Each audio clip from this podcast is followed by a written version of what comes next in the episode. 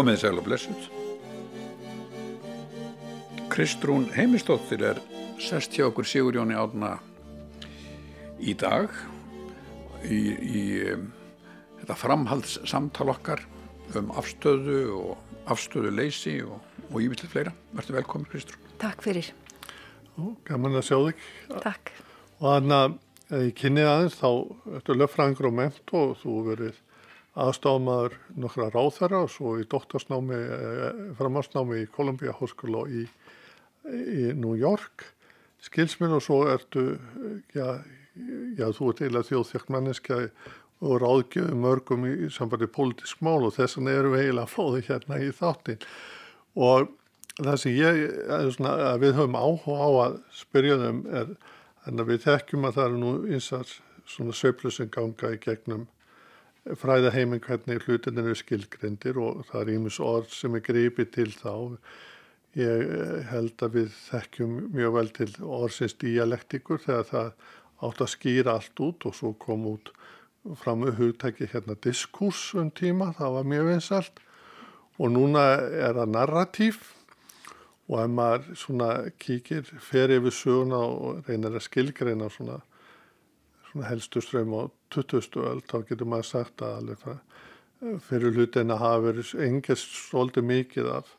baráttu, stjættabaráttu hútækinu og sem var mótandi mjög í hana, öllu pólitísku lífi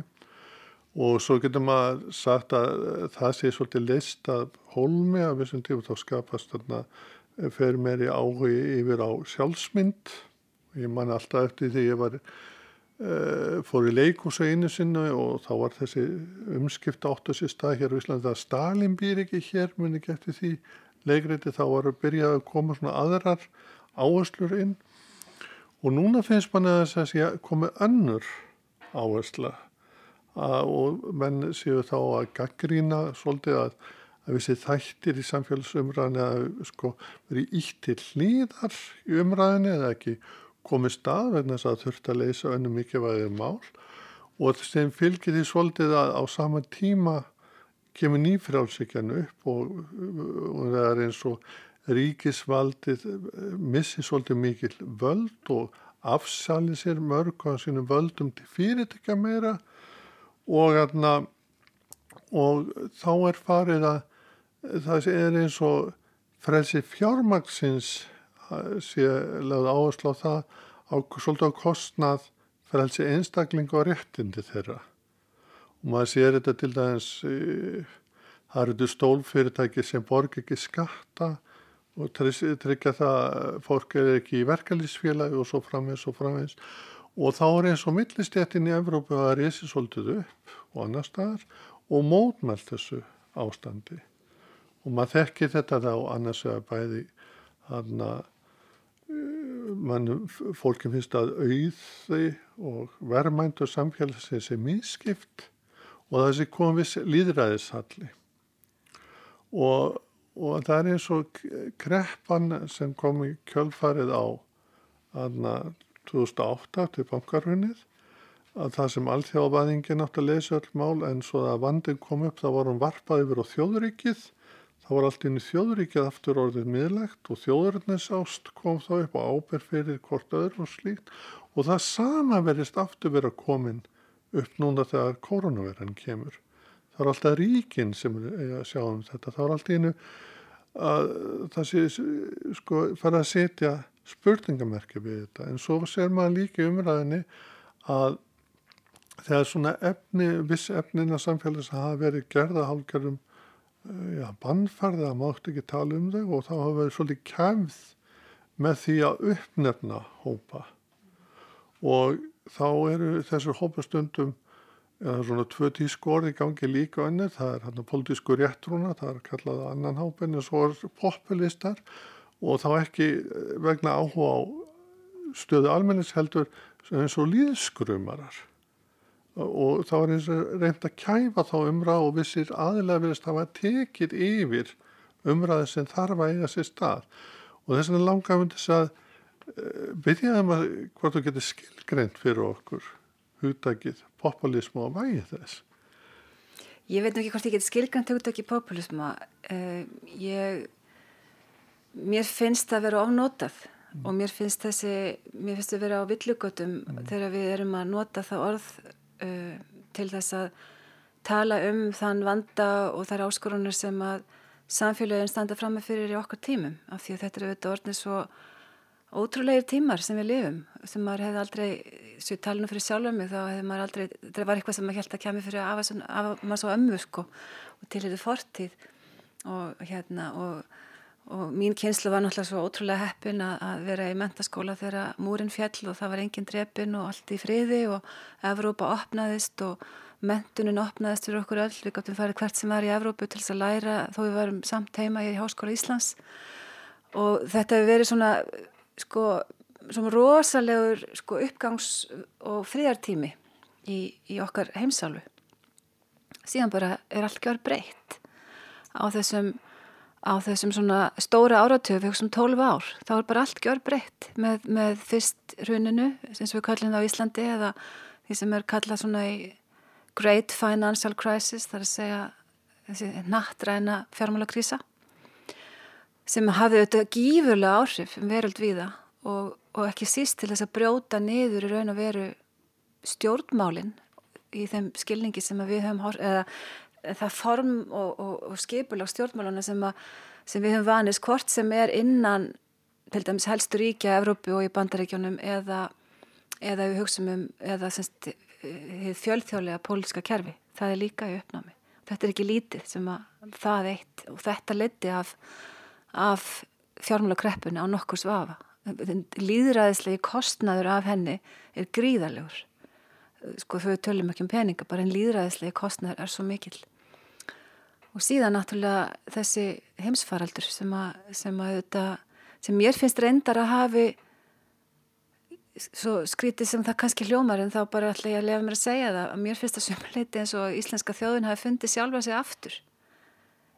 Gamlu gildin aftur einhvern veginn í, um það sem hefur svona sem okkur þykir vendum í, í samstöðu og, og svona náungakærleik og, og, um, og því að, að, að finna leiðina út úr erfileikum. Ég finnst eins og við hefum fundið aftur eitthvað svona eitthvað tón. Og trösti og trösti, já, já. tröstið á þessu svona bara að, að, að, að við séum að hjálpa stað eins og, eins og forfeður og formaður okkar gerðu og það hefur tekist og gengið vel og það heiður þeim sem heiður ber fyrir það bæði, bæði stjórnvöldum og, og fagfólkinu sem að þessu hafa komið og líka bara, og mér finnst þetta mjög gleðilegt, ég hef upplöðið þetta vissan hátt sem ákveðna heilun eftir hrunið vegna þess að mér finnst það líka hafa haft áhrif á stjórnmálinn mér finnst stjórnmálamennir ekki komast upp með uh, jafn sko ábyrðalösa umræðu eins og áður. Mér finnst einhver, ábyrð hafa byrst og nýjan hátt einhver svona, uh, svona kurteysi og, og hérna og svona málefnalegri nálgun heldur en að, að hruni skildi eftir sig sem var auðvitað alveg hérna rosalega niður ífandi fyrir alþingi sem vinnustad og alla stjórnmálu umræði í landinu. Er, er hægt að segja eins og ég skildi þig Sigurjón á þann að sko er hægt að segja að ríki sé að koma aftur? Tvímarlust. Bara, bara með hætti sem enginn hefði trúað. Mm. Og, og það er þetta þessi grundallar munur á að, að 2008 var náttúrulega þetta skuldakreppa, stórkostli skuldakreppa þar að segja Íslenska ríki sem hafi verið nánast skuldlaust var allt í ennu komið mikla byrðar og, og við þekkjum það allt saman, ég þarf ekki að fara að reykja alla æsef söguna og það allt. En, en eh, og síðan núna eru við þegar öfugu stöðu og ríkið er bara að opna allar sínar allar sína kistla og koffort og breyða út peninga með hætti sem enginn hefði nokkuð tíma trúið að myndi sjá. En Það voru að, þú saði líka á þann ég held að aðeins grýpa í það að hinn góðu gamlu gildi er aftur að koma. Og að maður lítur aðeins yfir söguna fyrir þennan tíma og til dæmis þegar, þegar aðna, menn gáður svolítið upp á aðna, þessari félagsluðu leið sem voru á svona, aðna, þegar, þegar í raun og veru blerismin kemur fram, margir tatsir og það breytist þessi, þessi svona áherslan í pólitík. Og þá hefur mörgum þótt sko eins og jafnaði menn hefði svikið að þeir sem áherslu á þessi samilu gildi að þeir hefði svikið málstæðin og þá hefur komið upp mjög svona sterk ef við verðum að tala um svolítið populisma sem maður sér til þess að þegar krísa var í bandaríkunum árið þá var raunin að veru kemur populismi upp þar þegar þeir eru að berjast gegn hana það að jafnbrytafélagin er að taka allt yfir í bandaríkunum svolítið korflutning og svolítið að komast á bændu saman og reyna að spilna fótun saman við þannig að populismi var að reyna að rétta stað sko, stöðu almennings að vissu leiti og maður getur líka sumir að tala um uh, að það sé popular sko, populismi hafi líka verið leið Roosevelts var, og þá kom aftur áherslu á svona almenna þætti þegar líðræðinsallin var orðað og mikil og þá voru sumir sem er að tala um það sama að þessar hreyfingar komi upp sem svar við ykkurum líðræðisalla og þá var það eins og og þá, þá verið grípi til þess að eins og þessi áhersla á sam, sammeili gildi, samhjálp og svolítið sæði verið svíkin og þetta er svolítið áberandi í umræðinu sem verðist verið að vera að leira þetta núna Sko ég, þegar ég var að tala um kannski fyrst um umlu gildin þá, þá var ég nú bara eiginlega svona að horfa til svona einhverjar íslenskrar svona menningar hefðar mm og, og bara það sem svona hugsa mjög lokal um, mm. um hlutin og, og svona e, bara þetta sem er svona partur af okkar menningu þessu litla landi hér og, og hvernig við svona sjáum okkur og upplöfum okkur og hvað hafa kannski verið okkar styrkleikar sem svona samfélag. Um, sko í, sko það, það er auðvitað við erum að tala um, um held ég tvent hérna allt í þessu öllu. Við erum annars verið að tala um efnahagslega þróun og, og stöðu peningana í samfélagunum. Og svo erum við hins verið að tala um samfélagslega þróun og, hérna, og líðræði og stjórnmál og það sem auðvitað hafi gerst e, með nýfrálsökinu, eitt af þeir sem hafi gerst var það að, að búa til rosalega mikið múr þarna milli láta eins og það væri bara sælabankana að sjá um peningamálastefnu og það væri bara markaðana sem leiður eftir sig sjálfur að sjá um, um hérna, efnahagslífið og, og svo framvegs og þeir eru að fá algjörlega að vera í friði, algjör, algjörum friði frá pólitíkinni.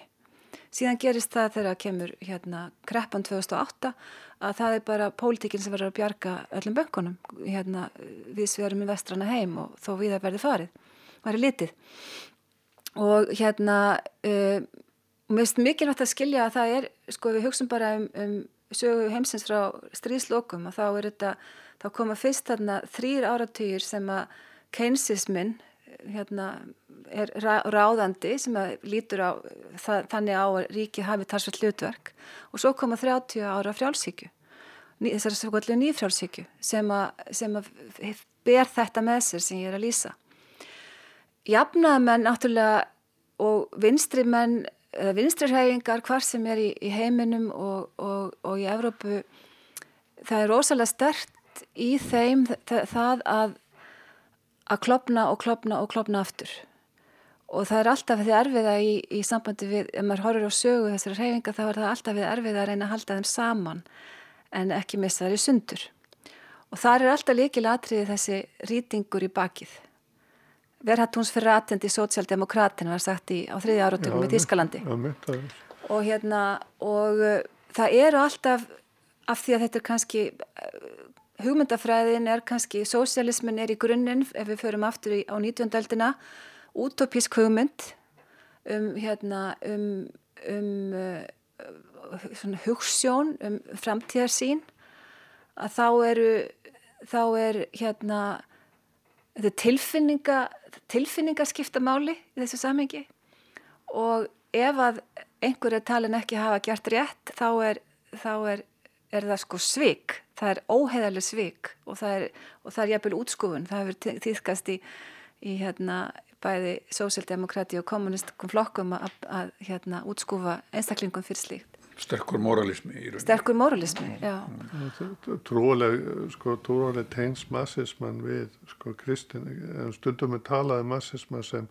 kristna eskatológiska reyfingu eða heimslita reyfingu sem stefnir að að hérna Guðsíkinn en Guðsíkinn er sett eins og þessi innan þessi sögurþrón sem stefni í þetta. Þannig að maður hefur séð þetta hefur svona oft mörg enginni sértróðsatnaðar sem er ymmit, er ymmit sterk kenning og svo framins og þá kemur sveikahugsunum mjög sterk upp og líka þessi, þessi um að sveika og þannig eins og uh, þannig kemur hugdagi pólitísku réttrúnar upp, það kemur ymmit innan vinsturhauðingarina þegar stalinistar voru orðin og svo, svo sterkir að jarnaði með kölluðu þá pólitíska réttur og það var eiginlega svona grínir á sér maður hvernig það kemur inn þannig að það er laung hefð um svona samsæriskenningar og svík Já, það, innan, innan, já, já það, það, það er, það er, sko, tökum Breitland. Ramsey mm. MacDonald sem var einn af, af stopnendum breska verkamannaflokksins mm. og er fyrsti fórsettisræðurann sem að sá flokkur eignast. Mm. Hann er hérna fórsettisræður 1931 þegar þar verður rosalega kreppa á þeim tíma, stóra kreppar er að skella á mm. og hérna og eh, verður síðan fórsættisræður líka þjóðstjórn til að greiða úr þessu málum og hann er lit, enn þann dag í dag er litið á hann sem mesta svikarhapp í sögu hérna leipur í Breitlandi vera skildi, nefn að vera, vera skildi Tony Blair. Og, og það er vegna þess að hann sem sagt hérna er talin hafa þeirra fjármálakrísan þegar hún skellur á í Breitlandi og þarna þessum tíma hún hérna veitir Ramsey MacDonald ekki marga valkosti hann hefur ekki marga pólitiska kosti til þess að glansa og, og líta fallega út fyrir sína kjósendur. Af því það er eðli fjármála kreppu og í staðina þá, þá reynir að bjarga því sem bjarga verður og er svikari fyrir vikið. Og þetta er, þetta er mjög þekkt sögulegt æmi frá Breitlandi og þetta kom reynda mjög mikið í umræðinu og núna síðustu kostningar í Breitlandi því að, því að Leipur tapaði þá sinu fjörðu kostningum í rauð og það var svo, þeir fengur svo lítið fylgi og svo fáa menn að það farði alveg aftur fyrir, fyrir sko stríðslokin 45 og aftur til 1935 til að finna jafn lélega útkomi og það er á tíma Ramsey MacDonald. Og, en, en það sem er áhugavert í þessu samengi er að þar töldu menni leipur í Breitlandi að þeir var náttúrulega búin að reynsa upp þessa óveru sem væri blerismin og með því að fá Jeremy Corbyn í, í sína fórustu og það er raun og verið mjög áhuga, áhugavert hversu sko, viðbröðin við hruninu voru mikið þau að fara aftur til fortíðar. Sko það var einhvern veginn sko Jeremy Corbyn var, var valina því að hann hafði ekki gert mistökinn sem Blair gerði ekki stutt Írakstriðið, ekki, ekki verið, verið andofsmaður og, og það var einhvern veginn sko, ok, það er þetta gamla sko, hann hefði rétt fyrir sér í þess að búið er að gerast og þess vegna skulum við velja hann. Og þetta er svona, sko, maður ser þetta minnstur víðar í, í Evrópu og, og, og hérna í þessari reyfingu, jafnaðamanna en, en vandin er kannski sá að verkefnið er bara að hafa svör fyrir okkar tíma. Og kannski það ástæðan fyrir því að, að, að Korbin náði ekki að vinna kostningar þá var reyndi tvísvar heldur tapaði náttúrulega rosalega illa núna síðast og hérna og tókst náttúrulega alls ekki að, sko, að einhvern veginn að ná utanum það einhvern veginn sínar þá hérna svona sósíalísku áherslur og til dæmis afstöðu mjög margra stuðnismanna flóksins í Europamálum af því að það var auðvitað Brexit sem að skipti miklu máli í breskum stjórnmálum. Þannig að, að hvað, hvað stöndum við? Við stöndum raun og veru þar að, að á einhverjum svona reit sem er raun og veru algjör byrjunarreitur vegna þess að, að þessi krísa sem við stöndum fram með fyrir núna, hún er, hún er einhvers konar svona núl stund af þessan hátt. Það er eitthvað sem verður stokkað upp og raunar finnst mér merkilegt að mér finnst eins og að fórsætsráðurann núverandi Katrín Jakobsdóttir sé svolítið að átta sig á þessu. Það er merkilegt hvað hún hefur verið að gera til dæmis hún er búin að fara og heimsækja Fabian Society í Breitlandi sem er, sem er sko hinn hegumendafræðilega vakka jafnastafnunar í Breitlandi og, og, og stór þáttur í allir því sem verður síðan London School of Economics og og öll hugmynda, sko, það, það er eiginlega ekki að fara inn í sko, meiri helgitóm jafnæðastefnunir heldur en að tala í Fabian Society. En það er semst formað vinstri græna búin að gera núna sem er mjög merkilegt en það verður hverkið komið fram í fréttum og enginn talar um það. Og, og, og hún er núna að fara að fá í haustvist einhverja hérna svona alþjóðlega ráðstefnu vinstri sinna í, með það fyrir augum að, að horfa í einhverja nýja stefnu og, og nýja framtíða sín og ég er bara bend á þetta af því að, af því að ég held að fyrir, fyrir 15 árum hefði verið skrifið að markagreinar í Íslensk blöð um þessa, þessa svona hluti en það er engin umfjöldun eða mm. greining að umræðum þetta, bara ekki nokkur einasta núna mm, mm. sem segir okkur kannski líka mikið um það að, og það er eitt af vandamálunum sem að hver sem að hérna bara sem að, sem að allir þeir sem vilja, sem að finnst skipta máli hvernig stjórnmál eru um, það er bara hver er umræðan hver er, hver er, hver er greiningin þegar fjölmjölarnir eru í lamasessi og samfélagsmiðlarnir tróna á toppi og svo framvegis vegna þess að það sem að það sem við stöndum framifyrir er það að, að finna, búa til nýja pólitík fyrir þessa nýju tíma. Mm. En er, sko þannig stundum sagt að, að vinstri menn þeir þegar, þegar þeir eru við stjórnvölin að þá getur þeir rekið í rauninni kapitalisman betur þessu betri fyrir kapitalistana heldur en hægrimenn sem er leiti en, en e, og svo komur náttúrulega svona áherslur eins og varst að nefna alls konar áherslur í, í einstökum málum sem kannski skipta mjög miklu eða geta skipt miklu máli og, og eru tilefni til mikill umræðina en þegar allt kemur til alls þá er þessi spurninga það ekki er, er ekki mjög takmarkað hægt að gera innan markaðsamfélagsins er, er ekki rauninni er, er mönnum ekki tröngd skorinn stakkurinn? Jú, sko ég, ég skal bara koma hérna af því að við erum nú að setja þetta í guðfræðilegt samengi hér. Þá skal ég koma með hjáttningu þannig að auðvitað hef ég hafandi verið þáttakandi í stofnum samfélkingarinnar og, og hafandi e, stúdera mikið á sínum tíma þriðjuleg Tony Blair og alla þessa hluti af því það var það sem var hefst á baui á þeim tíma. Uh, ég tók þátti því að halda hér stóran fund með Antoni Giddens uh, sem var svona hans hérna, félagsfræðingur svo múið segja eða, eða svona tók mér virkan þátt í þessum hlutum og, og þegar ég var beðnum að koma til ykkarinn og þátt að þá eiginlega bara fór ég og las þetta alls saman. Ég, var, ég bara virkilega ég, ég virkilega reyndi að, að, að svona grafa mig í gegnum uh, hvað var að gerast hver var hugsunin og hvað var verða, verða að reyna að gera og hvað tókst ekki og hva, og mistökin sem að segja og hérna e, það er sem sagt sko ég, ég tók hljómis eftir því 2005 að þá hérna kemur út bók eftir, eftir Stefán Ólarsson og Kolbin Stefánsson sem heitir Nattvæðing og þekkingar uh, samfélag, eitthvað svona, ég held að ég fari rétt með titilin og og það var hérna, þetta var unnið í samstarfi borgarfræðasétur sem var þá svona stutt af, af Reykjavíkulista sem fór með meirluti Reykjavík. Og þegar maður lesi þetta þá sér maður að það verið að leggja áherslu á tæ, all tækifærin sem félast í nattvæðingunni. Og hérna og, og þessari nýja þekkingar samfélagi að, og þekkingar hagkerfi sem við búum í. Og uh, þetta er svona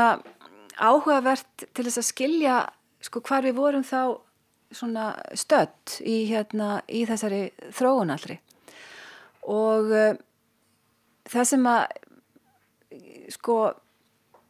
gerist líka er það að það er auðvitað hérna uh, þessi, þessi tilfinning almennins á Íslandi um að þeir, það sé svo mikil velsælt fólk hefur svo mikla peninga. Þannig að nattvæðingin var að virka fannst fólki held ég, svona hvert sem liti var. Og meginatrið er að e, sósjaldemokratið í Evrópu og í heiminum til dæmis ég nefnir sem dæmi bók sem heit, heitir Theory of Social Democracy sem kom út 2007 og er eftir hérna, e, þjóðverja sem að hérna, e, ég man nú ekki nafni á jöknarblikinu en það er semst verið að greina eh, hvernig sósjaldemokratið eigi að laga sig að þessum nýju aðstæðum. Þess, hugmyndin er svo að gera það sama eins og Bernstein talaði um 1890 og, og hérna Bevin í Breitlandi þegar þið voru að setja upp hérna welfare state eftir sigurinn 45 og svo framvegis það er að lesa hérna, þjóðfélagi eins og hafið þróast og gera það sem hægt er að gera innan þess og hérna og, er, og þá eru menn sem þetta til dæmis að, og það sé að teka eftir það að allir sem að hérna, leituar hérna, sósjaldemokrata þeir reyna að nota líðræði sem viðspyrnuna við sagt hugsun nýfrálsegjunar um, um hérna efnagslífið og um markaðina og um, um hérna söpnun hérna auðs og og svo framvegs og um það þeir ég að fá ráða sjúkrakerfinu og, og hérna skólunum og svo framvegs því það sé miklu hagkamar en þeir með þá líka taka sér arður út af þessu öllu saman og skapa auð fyrir sig persónulega. Að sko það er eins og menn hafi engin svör við þessu þegar maður fer að skoða þetta tilbaka önnurhaldur en þau að, að reyna að tala um líðræði en vandinni sá að það sem gerist þann er það að þessi þetta efnahagsmótil það springur þannig í, í loft upp að það, það, það valtar yfir líðræðið og þess að ég var að lýsa á þann það er allir þessi gríðarlega líðræðis kostnæðar sem hefur orðið. Enda er það þannig að þegar maður er reynslinn ríkari eftir að hafa upplifað hrun á Íslandi og, og lagt út í það eins og ég hef gert að, að skilja það eins vel og ég mér er und og, og meðal annars fara til bandarækjana í, í svona nám og rannsóknir því tengt að þá sér maður að menn voru ekki að nota neina nein vopni eða aðferði sem dugðu gegn þessu þessi reyðan dugðu ekki og ég ætla bara að fara aðeins með okkur yfir sko, sviðið eins og það var á þessum tíma. Til dæmis ja, mjög merkilegu pólitíkus Zapatero sem er kosin hérna, verður fórsættisræður á Spáni 2004 og hérna maður sem hafði afans hafði verið myrtur í, í borgarastirriðinu og mjög svona þengjandi maður sem að, sem að tekur upp hérna kenningar til tekins heimsbyggings hérna Philips Pettit eh, um, um sagt líðveldis líðræði eða republicanism byggt á sagt og það vil svo til að þegar ég var í heimsbygginámi á Írlandi þá, þá hérna var ég námskeið um þessa bók nákvæmlega. Og hérna og, varst, og fimm árum setna var hann sem sagt tekinu upp. Þessi heimsbyggingur var svona eins konar hyrð heimsbyggingur hérna fórsættisrað þar að spánar mm. og hérna og uh, svona eins og hérna eins og Alexander Mikli var með hérna þessum tíma Já, og, og uh, en hvað var hann að gera? Hvað var hann að gera? Hann var að, hann var að reyna að færa til hugsununa um það sem sagt republikanism um, afneitar hopsískri tólkun af því hvað séu hérna réttindi, hvað séu frelsi það snýst um það hvað sé frelsi. Og hann var, hann var raun og verið að fara gegn hugmynd nýfrálsíkjunar um frelsi. Thomas Hobbes var með þessa hugsunum það að það var ekkit frelsi, frelsi viljan skipti ekki máli eða tilfinningar eða afstæða fólks heldur bara uh, það fólk var einungis hérna, tekið að því frelsi af einhver benlinis sko ef ég myndi til dæmis taka núna í höndina þér ævar og þvinga það til að gera eitthvað þá ertu búin að hafa sko taka hérna frelsi af, af mannesku en Philip Pettit hann býr til hugtakum um sem sagt bann við, við e, sagt, ofríki eða, eða þvingun. Að hérna domination á ennsku sagt, að það eigi ekki að vera möguleiki fyrir hérna neitna dominera annan. Og þar með opnar hann frelsishugtakið eða út úr því sem hafi verið þessi tvíhyggja um jákvætt eða neikvætt frelsi sem er eiginlega svona grundvallar hugsun í allri deilunni milli hérna kommunista og, og, og frálslindismanna og í, í, hérna, bara í heiminum frá 1945 og fram til þessa múrin fjall. Til dæmis er ég því að það voru til tvennskonar marginda hérna, yfirleysingar hjá saminnið þjóðunum, annars verðum um jákvæð réttindi og félagslega réttindi og hins vegar um þessi frelsisréttindi. Þetta var bara svona hugmyndafræðilega lína svolítið milli, milli austurs og vesturs Og í staðin þá kemur sagt, þessi hugmyndum það að, að, að virðingu fólks, fólks að frelsi sé það að það sé enginn sem drottni yfir því. Og það opnar síðan á alls konar svona annars konar hugsun til dæmis gerir, gerir miklu auðveldara að, að hérna, tengja inn í hlutverk ríkisins uh, málefnis og umhverfisvend og, og hvernreitndamál og svo framvegið sem að, að jafnamanarhefingin hafði kannski ekkert sint mjög vel ef við hugsa tilbaka. Þetta er mjög aðtilsvært á Íslandi hvað alþjóðflokkurum var setna að koma konu á þing og sjálfstæðarflokkurum búin að gera miklu fyrr. Mm. Og umhverfismál er svo mm. alveg sérstök deilt. En, en sem sagt, bara svo ég ljúki þessu, sem ég, þessu er rauksendafærslu minni að því sem ég reyna að uh, útskýra er að, að hérna að þessar uh, tilraunir til þess að búa til hugmyndafræði í, sko á spáni var það yfirlýst að blegarismin var ekki góður þess vegna vildu þeir fara til, til Philips Pettit sem er mm. sagt, írskur heimsbyggingur sem hafi kent á, á, í, í Ástralju og, og, og þannig getur við haldið áfram í, í Þýskalandi varstu með hérna, Oskar Lafontaine sem að skrifaði bæ, bækur um pólitík fyrir alla. Allir voru að reyna einhvern veginn að fóta sig þessu David, David, David Held og, og Beck og ymsir fræðimenn og síði fjölasvísenda og Anthony Giddens. Mm voru, Gittens var með bókaátkvæði í Breitlanda sem hann var um að draga saman þessa svona reyfingu í það að reyna, reyna að finna svarið við nýfrálsíkjunni. En svarið við henni fannst aldrei, heldur draf hún sig sjálf. En sko, en þannig mitt, hérna, þessar upplýsingar sem þessi franski frakkin Thomas Piketty Já. hefur verið að sapna saman gríðalegum dóröndum sínum um, um ójöfnuð já, og, og nýðustað hans er kannski dalt í þessa veruna að það megi draga lærdóm af þessu skeiði sem þú ert að nefna frá setni, lokun setni heimstýrjaldar og, og fram yfir 1980 mm. þar að segja að hreinlega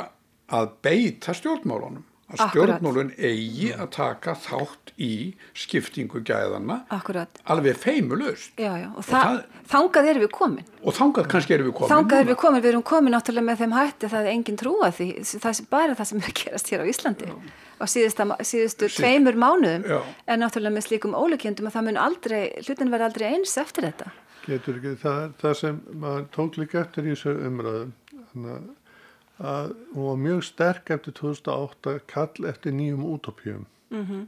við vorum að skapa nýja útópju til þess að með aðverka meða við. Og Alex Honnett með frægur þýskur mm -hmm. hansbyggjum frá Frankfurtarskólinu, hann til dæðins gaggrindi svolítið réttandishugtæki að næri ekki allu og vil fá viðurkenningar hugtækiðinn og hann talar ymmit um vægi útópjöfunar fyrir að við þurfum nýja útópju Og svo er maður að lesa núna þessa heimsbyggingi sem er að skriða í Þískalandur núna sem eru, er, sko þessa breytinga sem er þessi stað, þá er eitt sem heitir hérna, uh, hann hefur verið að skrifa svona dagbók, svona, undan hann dag sem heitir Markus Gabriel. Og þá er eiginlega nýðustafans núna að hann segir að nýfrjálfsíkjan sko hún hafi kostnarinn við hennar sem miklu meiri heldur en það sem hún gefur af sér mm -hmm. og þá nefnir þessi dæmum það að þá er að bæði bankarhunni og hvernig COVID já, já. hefur ofinberað það já, og þá ser maður að það, það verður ráðist á stóðir samfélagsins sem að þurft að bera þetta allt. Það var ekki tekið eftir það að vera að klappa fyrir afgræslu fólki í búðum sem verum að reyna að íta út með einhverjum afgræslu kössum sem þarf einhver að vera með að hjálpa ja, og svo er þarna hjúkunar með það er að hlaða alltaf meira á hjúkunar fólk var gert sko og svo umönnum aldra á ímsleisvóliðis allt innum komið þessa stöður og þessi, þetta kerfi sem heldur öllu gangandi en er aldrei tekið með inn í dæmið það er eins og hann verði aftur Já, sko, það er ekki vaf á því að þetta er náttúrulega sannar í eitt skipti fyrir öll, mikilvægi universal, algjörar, helstaðrar hérna, eh, heilbríðistjónustu. Mm. Universal réttindi til, hérna, til heilbríðistjónustu og, og hérna, sem eru þetta bara mótelið sem að Norðurlöndin komið sér upp eða strax um leið og það byrjaði Þískalandi þegar þessar hérna, almenn tryggingar koma þar til á, hérna, á 1880 með Bismarck og, og það gerist bara næstu ára eftir á, á Norðurlandunum og Norðurlandinu þetta, sko, það skiptir miklu máli fyrir okkur í Íslandi að skilja þetta efnahagslega og félagslega mótel sem við tilherum af því það eru þetta okkar ég veit ekki, ég þekki engan Íslanding sem hefði viljað vera annar stæðan á Íslandi í þessari COVID faraldri bara engan og, og hvað, hver eru vermaðin sem hér eru undir og hérna það er nú svolítið merkilegt að, að, að ja, sko, kannski fyrst aðeins, minna, hvað er þetta? Hvað er velferðaríkið? Velferðaríkið eru almantryggingar, slisa, sjúkdóma, atvinnulesis og svo framvegs og framvegs. Það er líka, norranna mótelið er líka það að það, það verður þessi á þriðja og fjóraða áratögnum þá eru sósaldemokratiska stjórnmáluflokkar sem hafa leiðandi í, í, í Danmörku, Noregi, Svíþjóð öllum þessum löndum á þessum tíma. Og það verður til ákveði pólitist mótel sem síðan þróast vegna þess að, að, að sósialísku róttakna vissanhátt hún slípast til í þessum hérna pólitísku mótelum sem eru á Norrlöndunum þar að segja bæði Noregi og Danmörku og, og, og þessum löndum þá til dæmis gera þær svona vissar málamiðlanir. Þeir gera málamiðlanir við, við bændaflokka og það er svona ínslega slíkt sem gerist sem síðan smám saman myndar þetta mótel sem að, að tengis bæði flokkonum og verkefliðsræðingunni og hérna og verður þannig að, að, að sko allt fer í kjærasamninga það verður síðan til stómstólar sem beilinnis hérna úrskurða um, um, um álutefni í kjaradeilum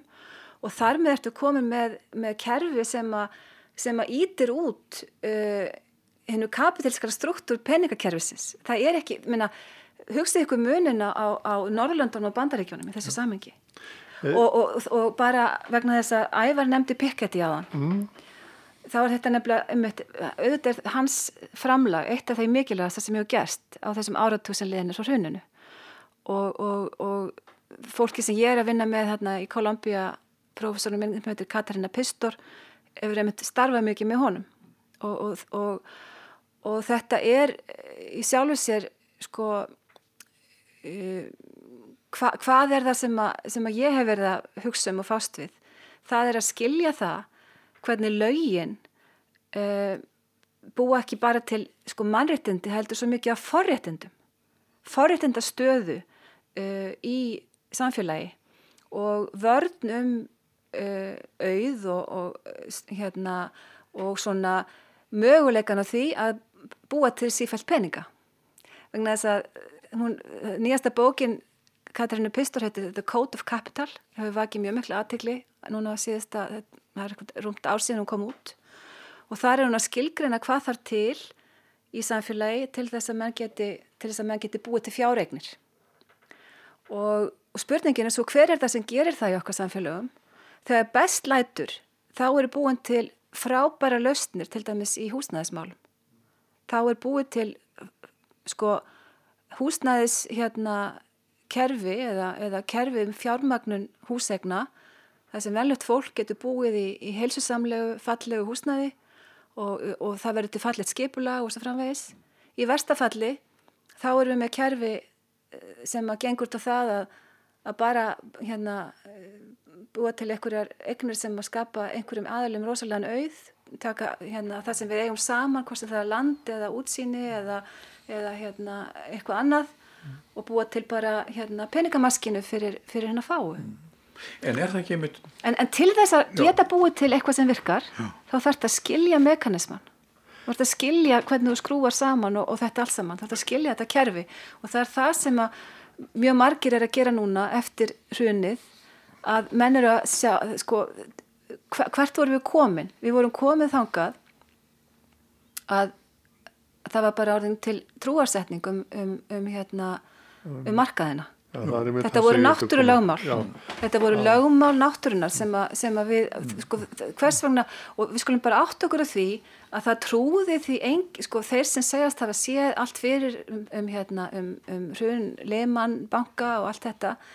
þeir eru bara ekki að segja sannan hlut af því að það, það var bara trú, því var trúað að fjármálakreppur gerðist bara í vanþróðum ríkjum og þess vegna voru sko heimsfræði profesorar að láta byrta hérna, skýrslur eftir sig um Ísland á þess svo mikið sem að skoða kannski mikið hvað var hér, ég veit bara ekki hvernig það var en það fóru margir flatt á því að votta það að allt væri lægi á Íslandi muniði, bara mm. rétt áður en þetta gerist. Allt því að ekki aldrei eru sjóður en sagði að Ísland væri í öfunnsverði stöðu í, í september 2008 mm. og hérna, þið veitir þegar Elisabeth Englandsdóttning spurði, kom í London School of Economics og spurði, okkur sáðu þetta ekki fyrir í, í hérna, ég held að það hefði verið í november 2008 mm. þá settust þeir hérna einhverjir niður, einhver hópur manna og reyndi að skrifa breyf tilbaka og þeir skrifuði henni og sáðu kæra drottning það voru komið saman margir menn og, og, og skildu ekki mikið. En er ekki kannski nýðustafan sem við erum að renna upp fyrir okkur núna er að þessi huldahönd markaðurinn sem á leiðrætta allt er ekki til? Hún virkar ekki og þetta minnir mig alltaf á setningu uh, þegar Martin Luther er að reyna að skilgreina nöðsinn lögmálsins og það er raun og ríkisvaldsins og kerfa þá tekur hann dæmum hirði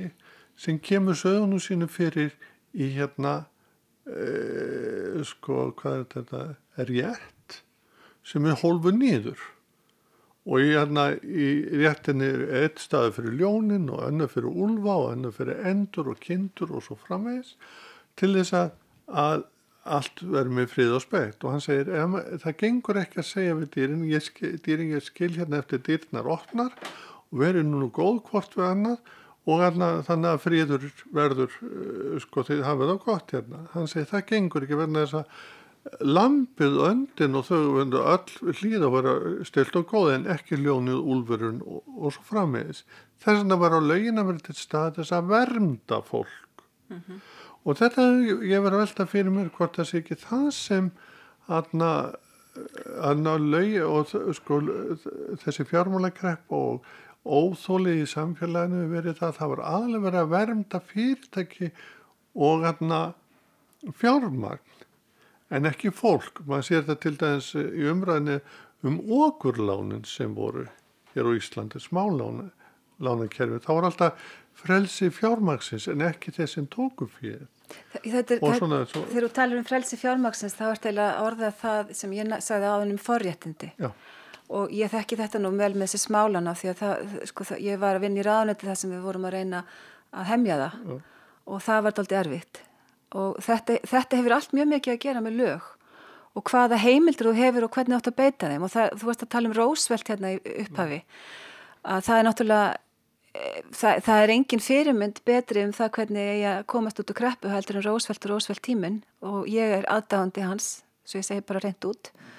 Og, og það er einmitt svo merkilegt að, að það sem gerist hann auðvitað breytir lögunum. Í merkingunni hann, að, sko, hann beitir lögunum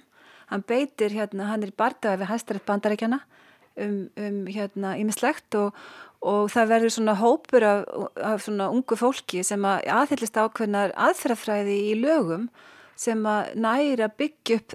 allar öllu úrræði, allt það sem hann gerði til þess að koma efnaha bandarækjana aftur í, í gang. Svo séu sem er auðvitað stríðið hafi komið á lokum og það er kannski gerst án þess en, en, en það er engi vaf á því að þetta er það sem skiptir svo miklu máli. Það er að vera ekki slafiskur gagvart hérna sagt, lögunum og gagvart þessari sko, og, og eins og ég var að lýsa á þann þegar maður horfið tilbaka og hugsa hvað var þess að sósjaldemokratið gerði ránt hverju það var þetta að, að, að hugmyndunum lámarsríkið sem er kjarnin í, í, í hérna, nýðfjálfsækjunni hérna, bara að hafa bara láreglu og voða lítið annað raun og veru. Og bara algjört lámast ríki, ríki á ekki að gera þetta er ekkert virði í ríkinu, ríki er bara hérna dót og við höfum að láta efnahægin vera búið til verðmætti svona var hugsunin.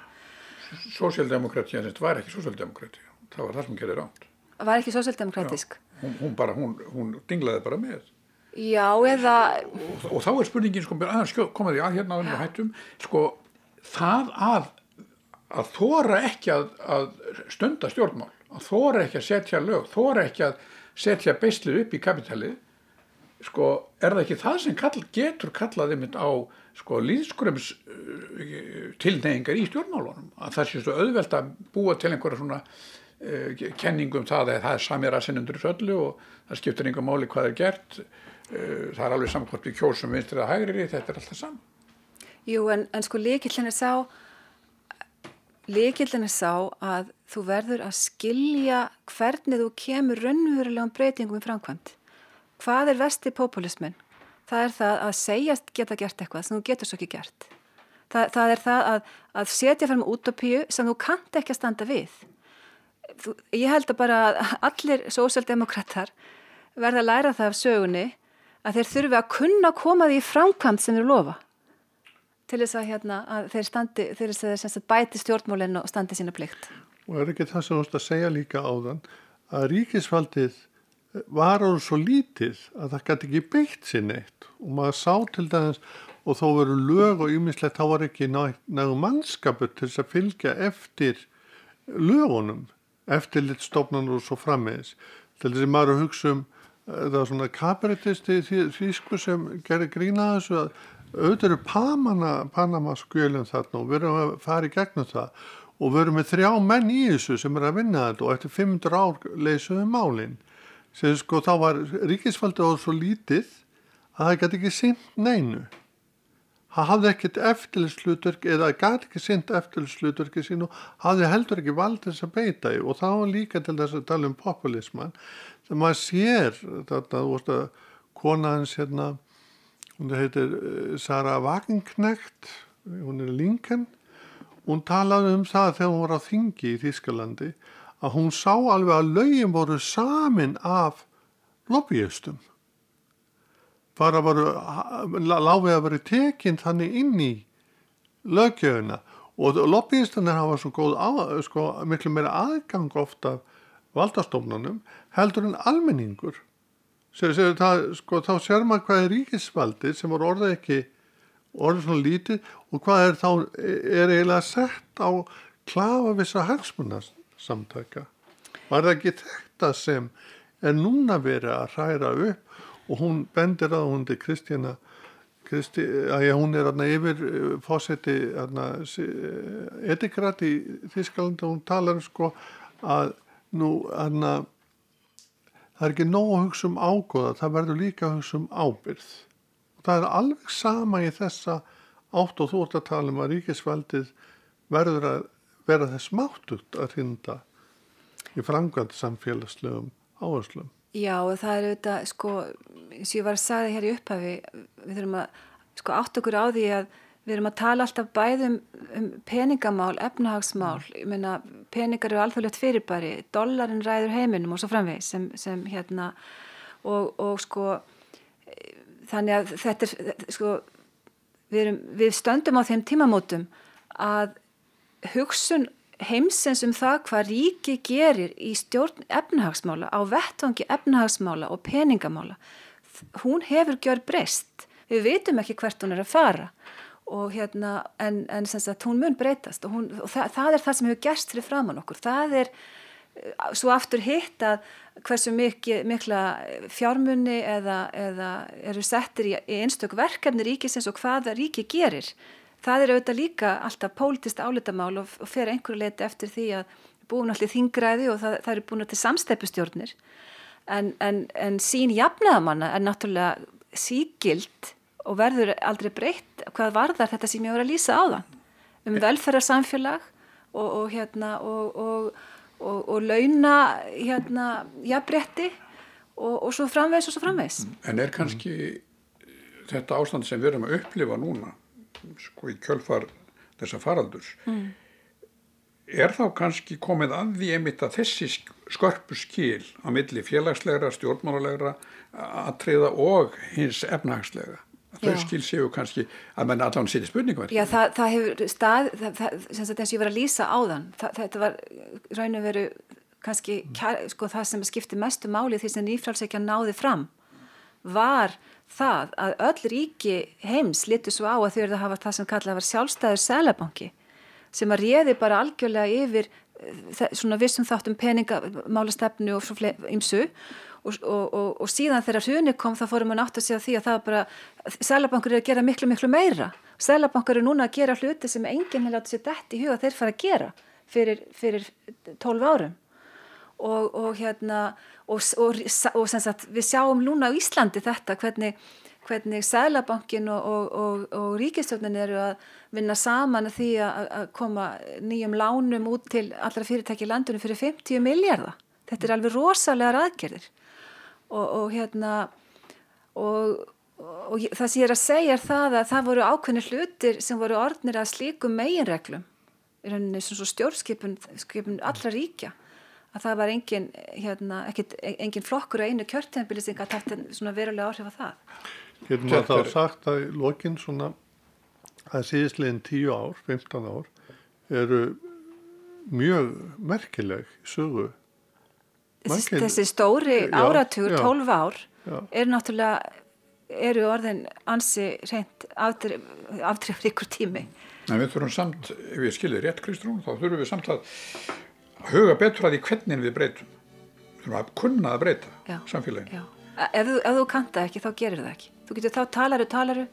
og almenningum missir allan áhuga því að hann sér þið aldrei gera neitt. En hér á þessum vettvangi, það er nú okkar, þá bara tölum við og tölum. Kristján Heimstóttir, bestu þakki fyrir að koma í þetta samtali Já, ég þakka, þakka fyrir og, og vona að fólk hafi skilið eitthvað af því sem framfór. Þakka ekki lega fyrir.